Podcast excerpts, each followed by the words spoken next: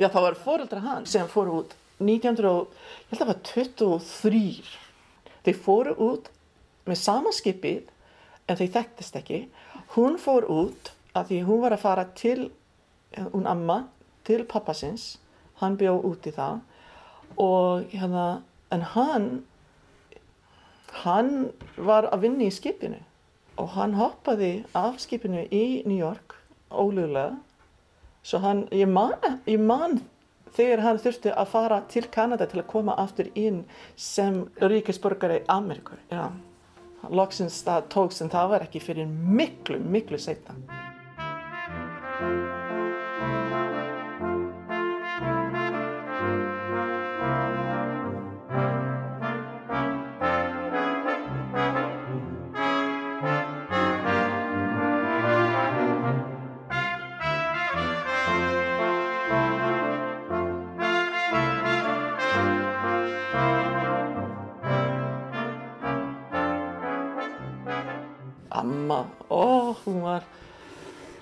Var ekki feimin við að segja sögur af Íslandi á, frá þessum tímubil því hún bjó hér sem unga stelpa. Bara þetta var erfitt líf og ég skil ósköp vel. Fólk hugsaði þá að það hlýtur verið betur staðar annar staðar fyrir mig.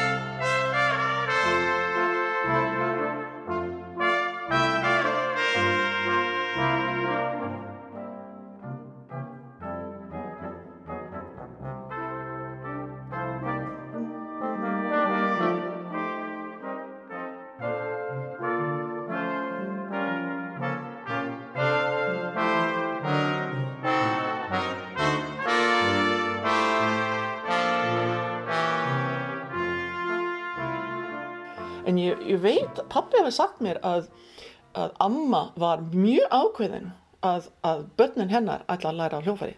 Og hérna, sýstir hans læra á piano, hún var hörku pianasti. Og hérna, og svo pappi minn á trompet og Páll hann læriði á klarinett minni mig og svo Árni á piano. Þe, þeir voru öll saman. Já, það var bara amma sem saði, börnum mín alltaf að læra á hljófari. En það er bara æðislegt. Einhver þarf að segja það.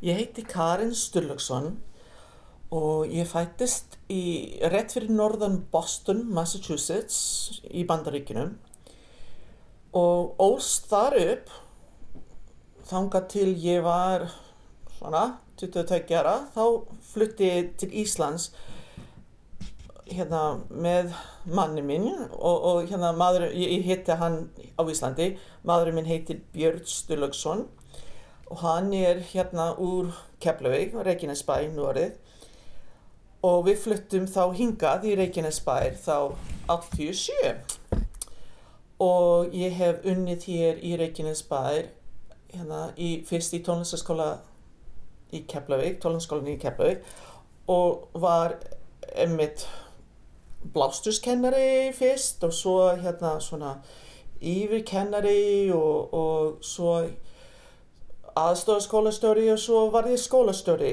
í tvö ár. Svo sammeinast hérna Njarvík og, og Keflavík og þá var ég hérna aðstofskólastjóri hérna í tónlistaskólan Reykjanesbæjar.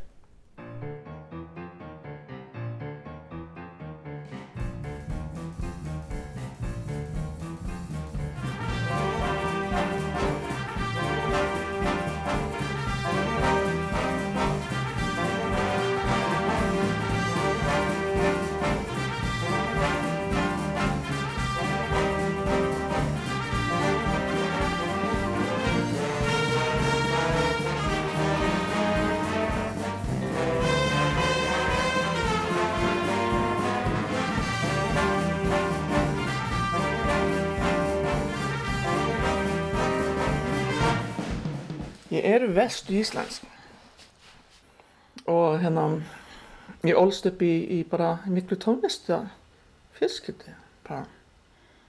Pappi minn er samt, hann var samt hérna lögfræðingur, mátt ekki halda að hann sé al, bara alveg tónlistmaður. En hann, hann var alltaf að í tónlist hann var trompetleikari, lúðursveitastjórnandi og það var bara það var partur af bara fyrstskipta lífið var bara tónlist. Vera með. Það var aldrei spurning hvort maður ætla að læra einhverju hljófari það var bara hvað hljófari? Já, já. Það var bara gaman. Já.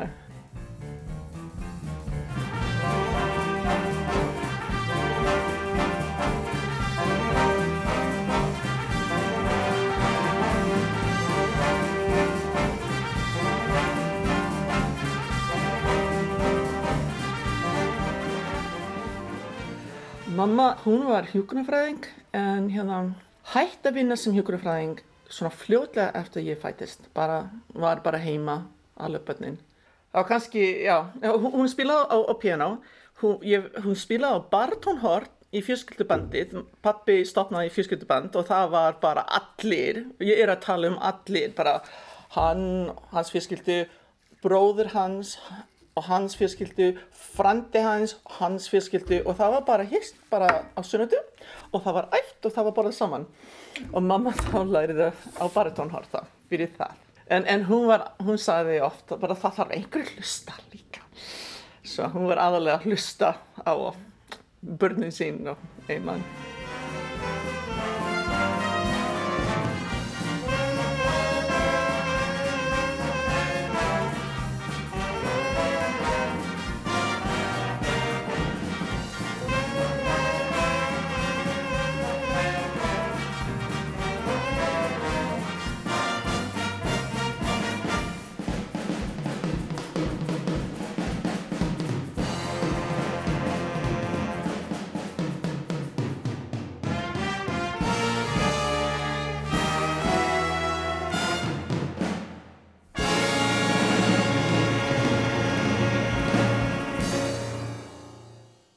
Er elst og við erum fjögur.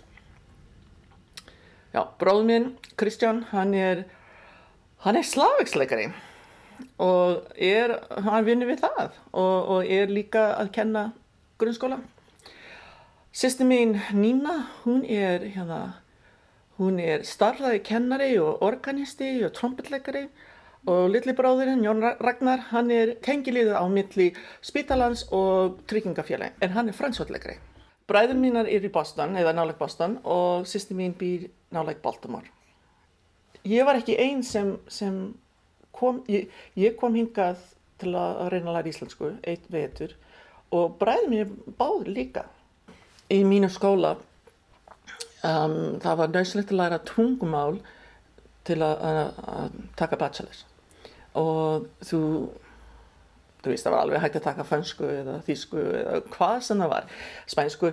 En hérna það var líki í bóði í mínu háskóla að fara til Þískalands í eitt ár og þú veist og þá ertu búin að að klára þínu tungumála já, kunnáta sem þurfti að fylgja þessu bachelor. Og ég það, nú er ég elst og, og hérna Ég, ég, mér dætti í hug að, að það væri kannski skemmtilegra. Ég, það var í gaman að kunna íslensku því ég, við höfðum mjög mikið samband við Ísland. Við, pappi var mjög duglegur að, að koma og heimsækja. Hérna, sýstur hans átti heima hér og pappi minn átti fullt af sískinu börn, mm -hmm. segja það svo leiðis. Og, og svo við, hann var mjög duglegur að, að koma til landsins og við með og mér fannst að það var bara svolítið meira skynsam í því að læra íslensku frekkar en að halda áfram í fransku. Pappi minn, eh, við uppgötuðum að, að pappi minn kunnaði hérna svona batna íslensku, batnamál. Þegar við Bjössi vorum að tala saman, hann skildi oft mjög margt sem við vorum að segja, svo við áttum okkur á, já, ok, foreldra hans töluðu íslensku á heimilinu. Það var ekki fyrir en þeir fóru í skóla að þá á þeirra heimali að börnin fóru að læra í ennsku. Nei, nei, en, en ég var ekki alveg upp í þetta svo að, nei, nei, ég kunni ekki neitt í íslensku. Ég fór í Háskóla Íslands, þeir eru með svakaflott nám, en þegar ég kom, það var tveggjar og nám. Það var svolítið gaman að því, en þetta var hörkur nám. Maður var bara hent út í bara að hafa mál og bara, bjössum minn var bara, satt við liðan á mér að reyna að hjálpa mér í þetta. en, en, en þá, þá byrjum við byssu saman. Ég kláraði háskóla úti og svo komum við, ég, ég, við giftum okkur eftir það og svo komum við hingað aftur út, aftur hingað.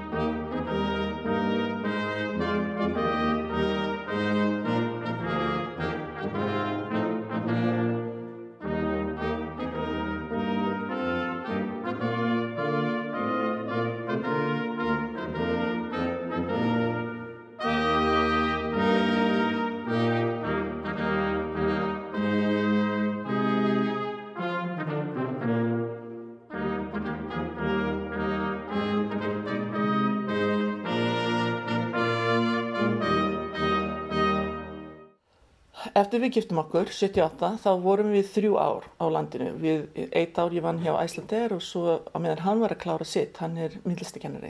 Og svo hérna tvö ár vorum við ráðum út í, hérna, í sveit á, á hliðaskóla. Og þar kendi ég starffræði og, og ennsku og, og, og tónlist. Og svo það var komin tíma og Bjössi langaði að halda áfram í námi og svo leiðis, svo hafðum við skulum bara drífa okkur þá til Ameríku. Og þá vorum við sex ára út í Ameríku. Og þar fættist á Stulli og, Rebecca. Og þá voru koma aftur Bjössi segi, nei ég vill ekki alla börnum mín upp hér ég vill fara aftur til Lísans og þá ákvæða aftur til Lísans þá komum við hingað að því fóröldra hans Bjössa er hér og það er bara, þetta er bara frábært að vera hér, ég sé alveg að segja þér, lítið bæfélag og bara indislegt. Vi, við fluttum til Keflavíkur og hérna, og þá eftir eitt dag, eitt vetur, þá fórum við, þá fór ég að byrja að kenna og, og Bjössi byrjaði að kenna líka. Hann fór í fjölbætaskólan og, og ég byrjaði í tónliskólan í Keflavík. Ég hef alltaf verið í tónlist, ég hef alltaf frá því að ég man eftir, ég er búin að vera að kenna. Þegar ég var 16 ára, þegar ég var þriði árið í high school, þú veist, í Danmarku, ég var ráðinn sem tónlistakennari í mínu eigið high school. Skiljið, ég var búin að, vera, og það var ég með, með kór og, og og lúrusveit, þú veist, og bjöllukór, þú veist, svo að, að maður er búin að gera þetta í gegnum árin og, og þetta bara þróðust áfram, að maður langaði bara, jú, halda áfram, þetta var bara svolítið gaman að vera í þessu tónlistalífi.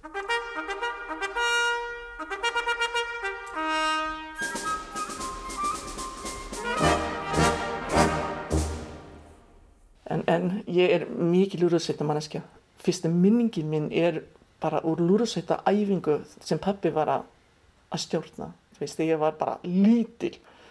Svo ég, ég hef allast upp í lúrusveit og svo ég er mikið fyrir alls konar lúrusveita tónlist. Góða möss oh, veist það bara frábært. Bara gána að spila góða möss og það, ah, það, það er svo margt til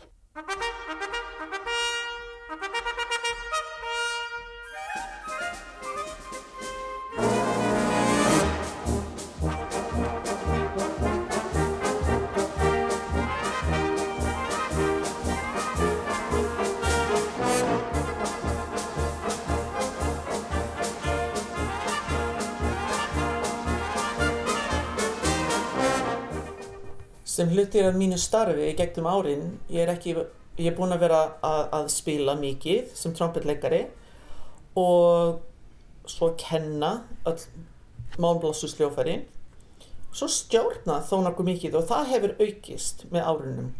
Ég hef verið að stjórna lúrasveit, kór og big band, það er að segja stórsveit og hérna og nýjasta er bjöllukór og stundum er það þú veist í gegnum einhver skólastarfi eða ég er nýbyrjið að, stjórna lúrasveit verkaliðsins og þá er það ekki beint í, í gegnum einhverju skóla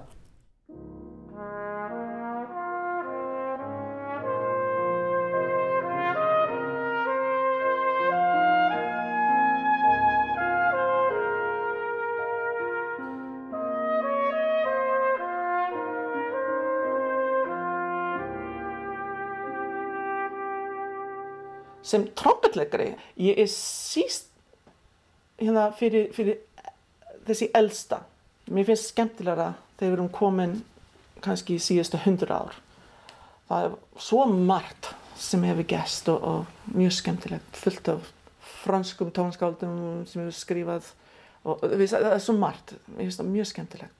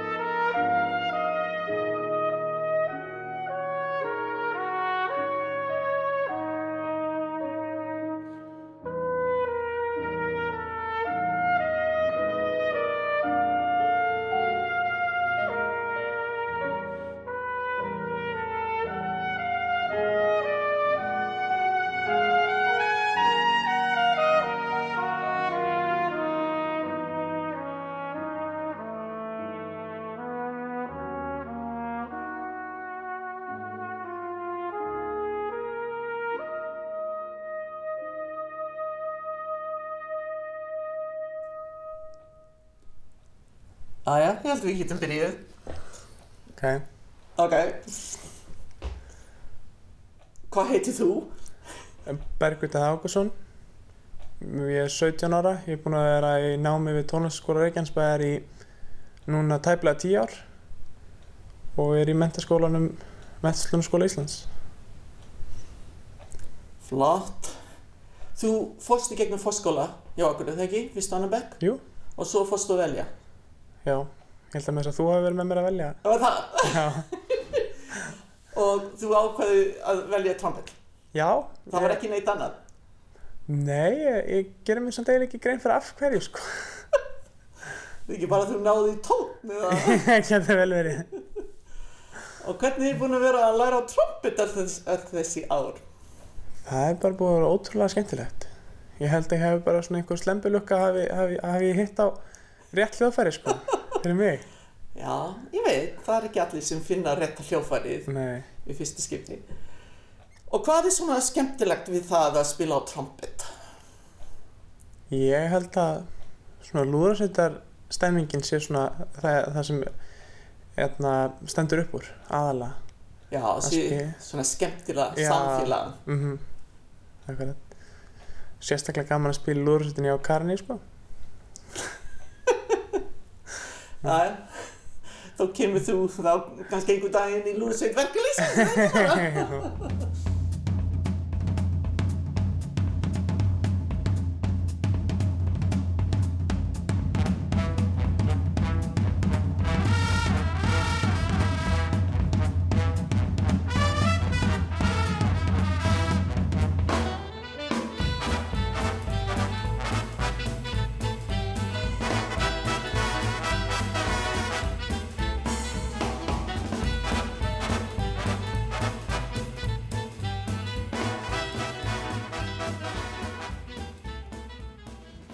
Sem stjórnandi. Sjálfsög, ég, ég er búin að vera stjórna hérna, þessi léttsveit í, í 30 ár, svo að, að það smittast allt sem ég hef gert, minn sem ég er. Því ég er alltaf að koma aftur í, já, þetta var í flott lag, smá jazz í þessu og svona.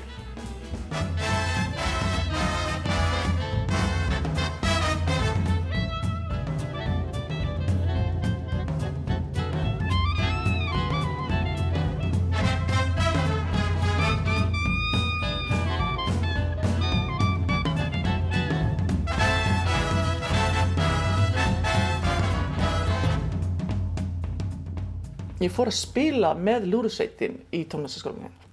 Bara gera eitthvað svona. Og, og fór mér að segja í tónleikaferðala til Svíþjóðar, Svíþjóðar. Og Kjartan Már var þá skólastjóri í tónlistaskólinni Reykjanesbæ og hann var með sem farastjóri. Og við erum að hlusta á, á hérna big band sem er að spila í Örubrú, nefndaband þeirra og kjartan stendur hann að segja þetta er frábært heldur að væri hægt fyrir okkur að stopna svoleiðsveit já, er það ekki, segi ég bara. Getur þú? já, já, já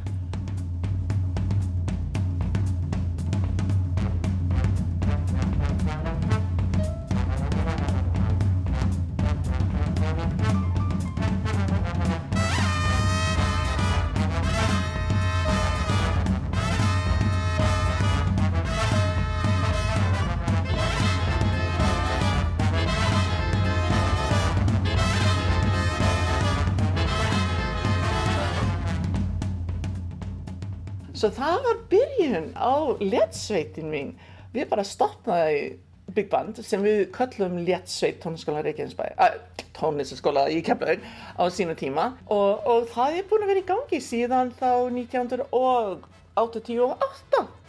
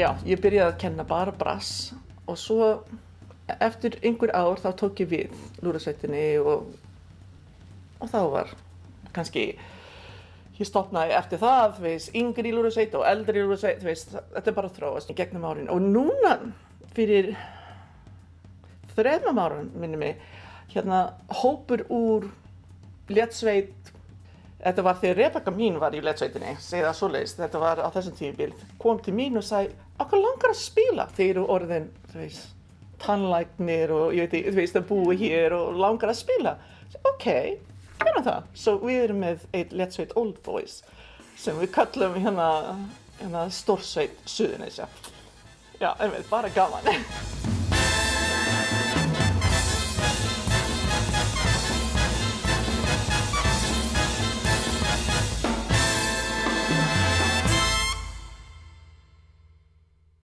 Það er nokkru ár síðan að ég hætta að stjórna lúrsveit hér í, í tónlistaskólanum og léttsveit hér í tónlistaskólanum.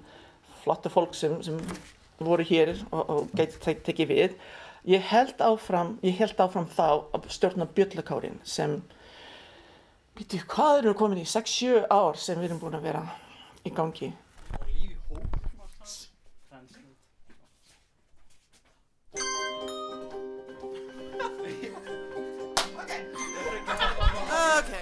Hjördís ringir í mig um vorið, uh, ég held að það sé 2012 og segir, hérna Hjördís frá Sinfonínu, segir, býtu þú ert bjöllukór, þú ert bjöllukonan, eða ekki?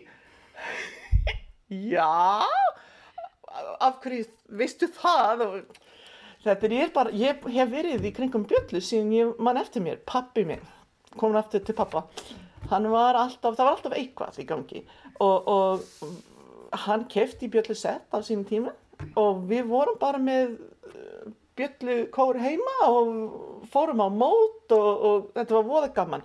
Svo hún er að vitna í það. Þegar ég kom heim 87, þá hérna 88, ég byrjaði að kenna leysa af aðalega. Leysa af út í tónarskólinni Garði, það var bjöllukór þar, leysa af inn í Lauguneskirkju, var gestastjórnandi, ég er búin á hellisandi, þú veist það, það er búin að vera í gegnum árin að ég er búin að vera að vinna með bjöllukór. En það var ekki fyrir 2012 að við byrjum með bjöllukór hér. Ég fæ lánað fyrsta árið og Haraldur, skólastjóri, hann sér að, þetta er bara eitthvað flott samspil sem var í gaman að þróa og við höfum samband við, við það eru nokkra bjöllusett á landinu sem eru ekki ennþá í nokkun Ég, ég vissi um að það var sett upp á Hellisandi og Stikisómi og nokkurinn í Reykjavík.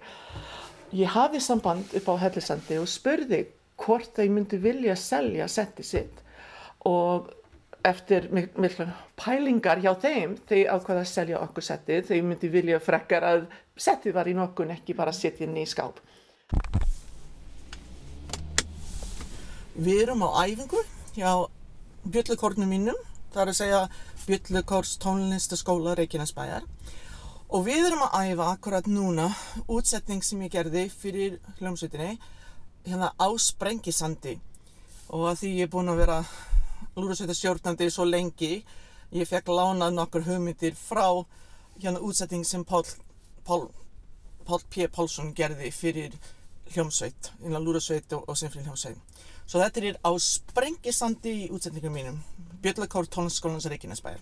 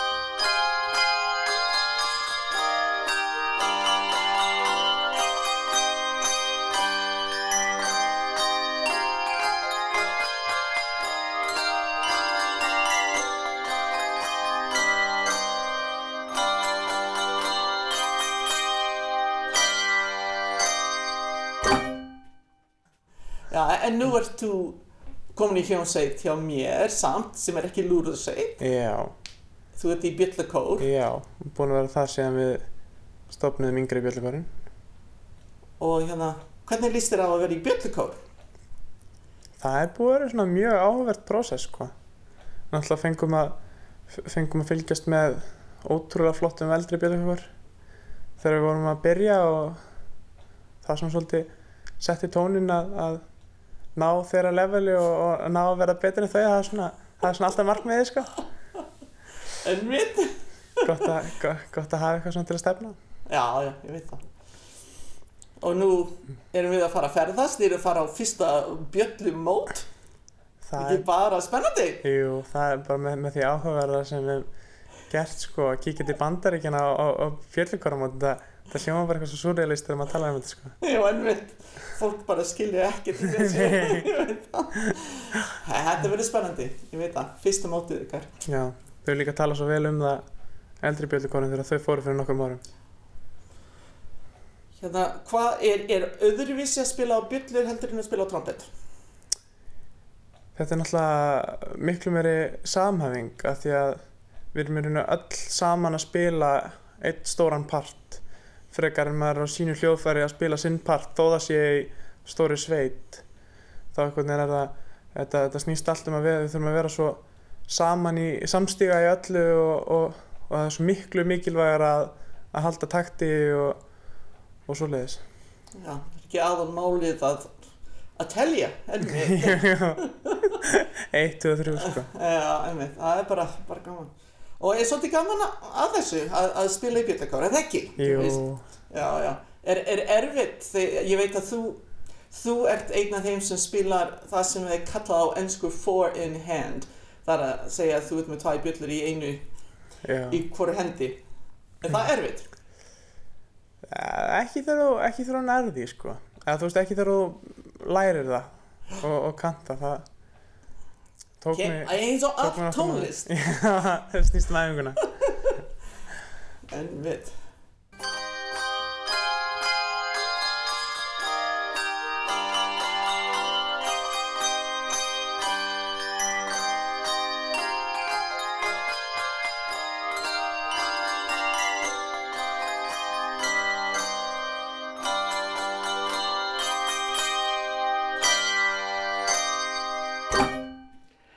Þetta er búin að vera ævintýri líkast, bara að, að vera með þessi bjöllukár og, og gaman að taka þátt í, í svona öðruvísi samspil. Þú ert, þú ert bara að hugsa um einhverju vissa tónar en samt þú þarf að hugsa sem heil. En það er þessi samvinna sem er alveg svakalagt að geta talið saman að geta hjálpa hvert öðrum stundum það þarf bara, heyrðu ég get ekki spila þessi tótna á þessu tíma. Getur þú, þú veist, við liðan á þú veist, jú, jú. Þetta er ótrúlega skemmtilega samspil.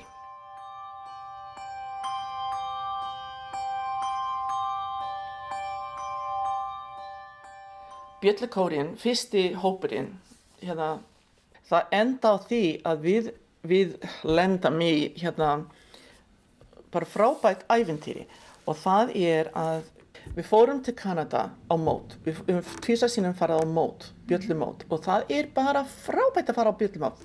Af fólki, við talað kannski í nokkra hundru manns. Og gaman að því. Og, og, við, við getum hérna, við spilum saman og svo fyrir við á námskeið. Og gaman.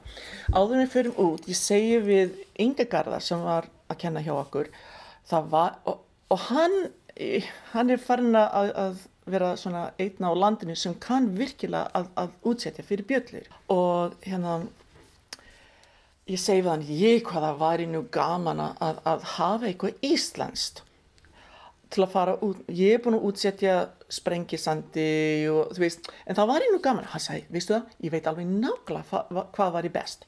Ok, hvað? Hvað með Sigurós lög? Já, það er einmitt svipað svona tónblæ, svona, svona, einmitt, já, svo hann útsettur hérna tvö lög fyrir okkur, hann útsettur hérna Hoppipotla og Starálfur.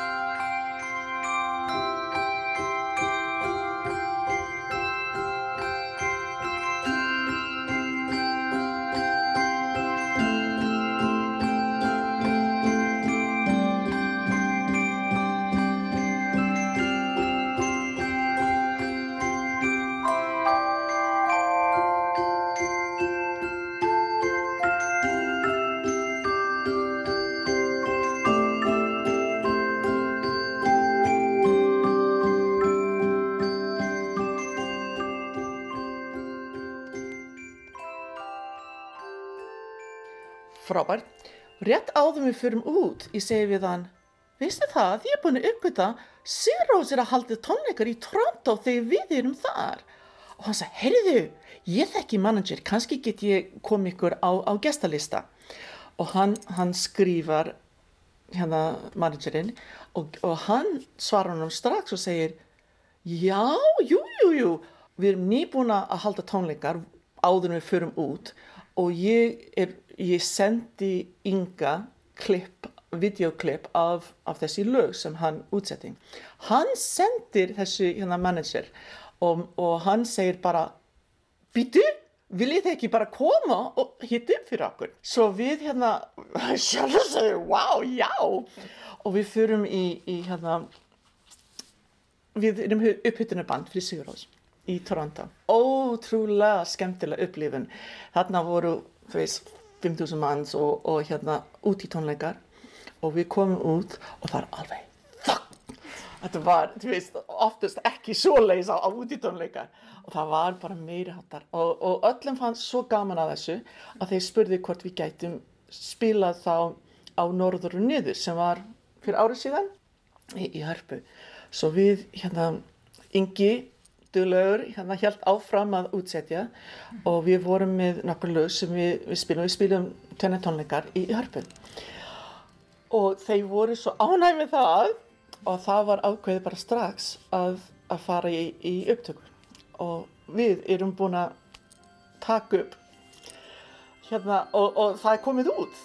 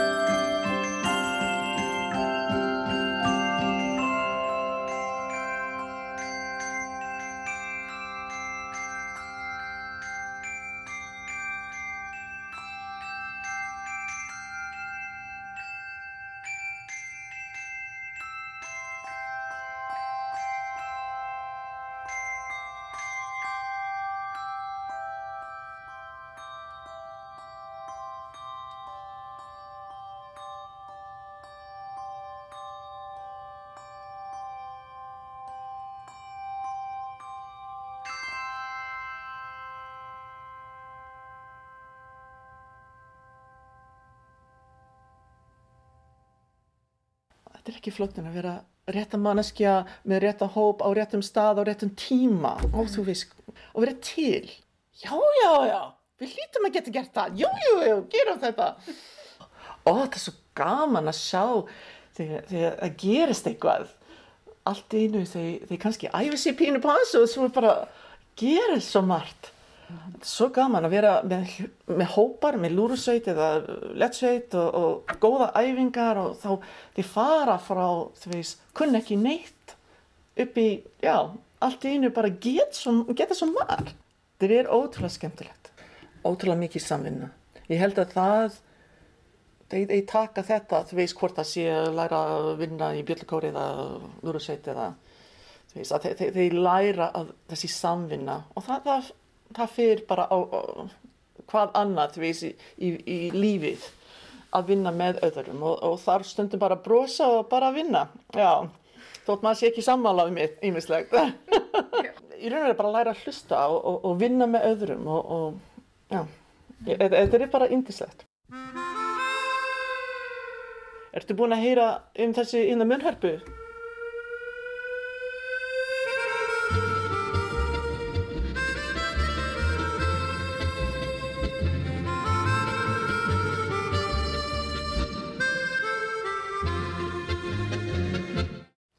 Þú veist út í Ameríku það er svolítið langt að keira þegar þú fer þótt að sé bara þið ætla að skreppa, þetta er klukkutími. Og pappi minn fannst þetta var alltaf tíma í Ísland tíminn sem við hefði alveg getið farið að æfa hann var ekki svona strangur maður ekki alltaf það en, en þú veist fannst þetta bara hundlegilegt að þarna var klukkutíma hann satt og gerði ekki neitt. Svo ég veit ekki af hverju en hann fór á stað að, að hann læriði á minn hörpu og hann hérna dætt í hug að, að við myndum vera með munhörpu hljómsveit. Það er til fullt af ýmsum tegund af munhörpum. Það eru til kromatík. Það er til oftast fólk eiga bara svona blues munhörpu. En, en kromatík þá getur þú spilað alla, það veist, eins og hljómborð. Það er til hljómar munhörpu, mjög stór, tvöfald, frábært. Og svo til bassamunharpa, oftast er það tvöfald, Ok, pappi kendi okkur á, á þessu hljófæri og það var mamma helt á, á nótunar og við bara spiluðum í bílnum.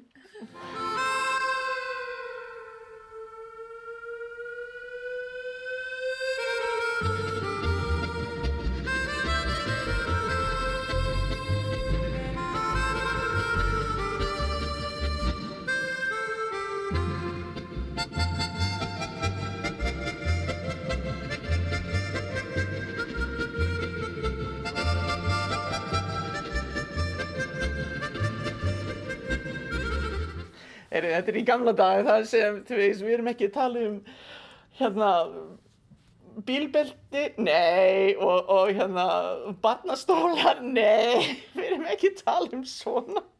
E, Þetta var voða gaman, við spilum bara, við vorum voða vinsæl þú veist.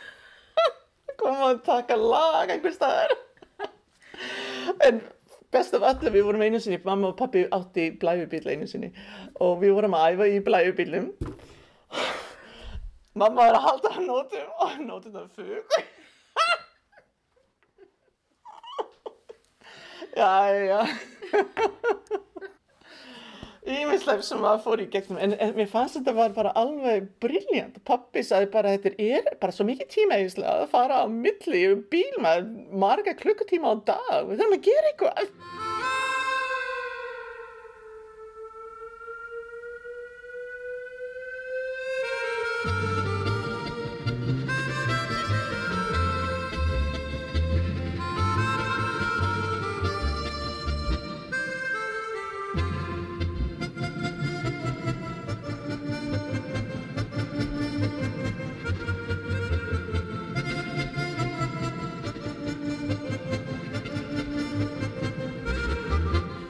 Þetta er ótrúlega flott hljóðfæll, ef ég sé alveg að segja þér. Ég hef kent nokkra nefndu á vinnherpu hér. Já, þetta er, ó, þetta er mjög sniðugt, þú veist, mjög lítið, það er ekki mikið fyrir það. Allt hægt að blása.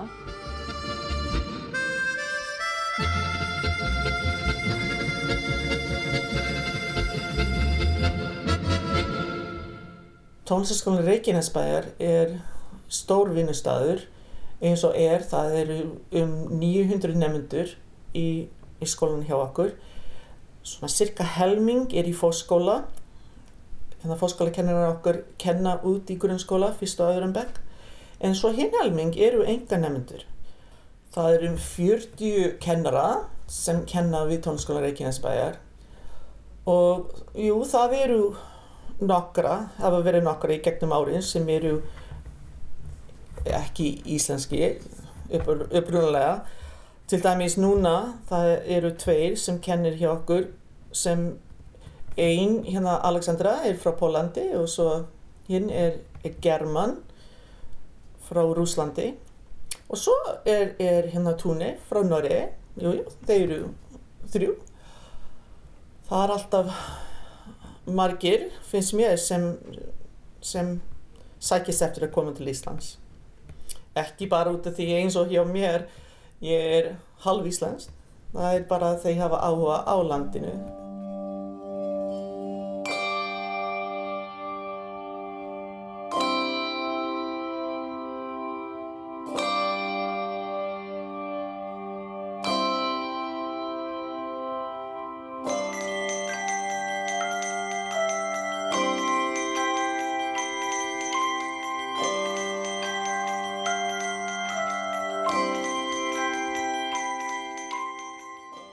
Það er, það er ótrúlega gott að vera hér á Íslandi. Það eru ótrúlega mikla tækifæri hér í menningu.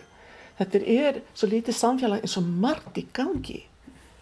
Ég veit að börnum mín hafa fundist það að mjög gott að búa hér og ég líka. Maður hefur aðgang að svo miklu. Þetta er miklu auðveldra. Það er sjálfsög það er svo margt líka í gangi út í stóra heiminum en, en þetta er svo margt fólk þar. Erfið að komast að. Það er svo margt frábært sem er í gangi hér